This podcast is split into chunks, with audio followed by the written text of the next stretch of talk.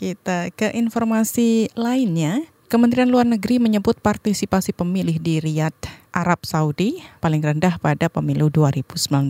Tingkat partisipasinya tercatat di bawah 50 persen. Dari lebih dari 40 ribu pemilih di Arab Saudi, hanya sekitar 8 ribu yang menggunakan hak pilihnya. Wakil Menteri Luar Negeri AM Fajir mengatakan ada banyak faktor yang menyebabkan hal ini. Kita melaksanakan uh, pemilu itu di negara orang dan tentu harus mengikuti ketentuan-ketentuan di, di negara tersebut.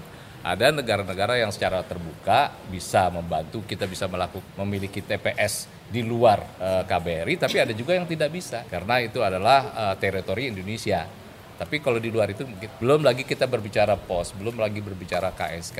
Nah itu adalah belum lagi sebaran. Hari ini Wamenlu AM Fajir mendatangi KPU untuk meninjau proses rekapitulasi suara pemilu luar negeri. KPU menargetkan rekapitulasi suara pemilu luar negeri rampung hari ini. Namun khusus untuk Kuala Lumpur, Malaysia, rekapitulasi bakal lebih molor lantaran adanya pemungutan suara ulang. Sementara itu rekapitulasi suara nasional direncanakan bakal dimulai Jumat besok.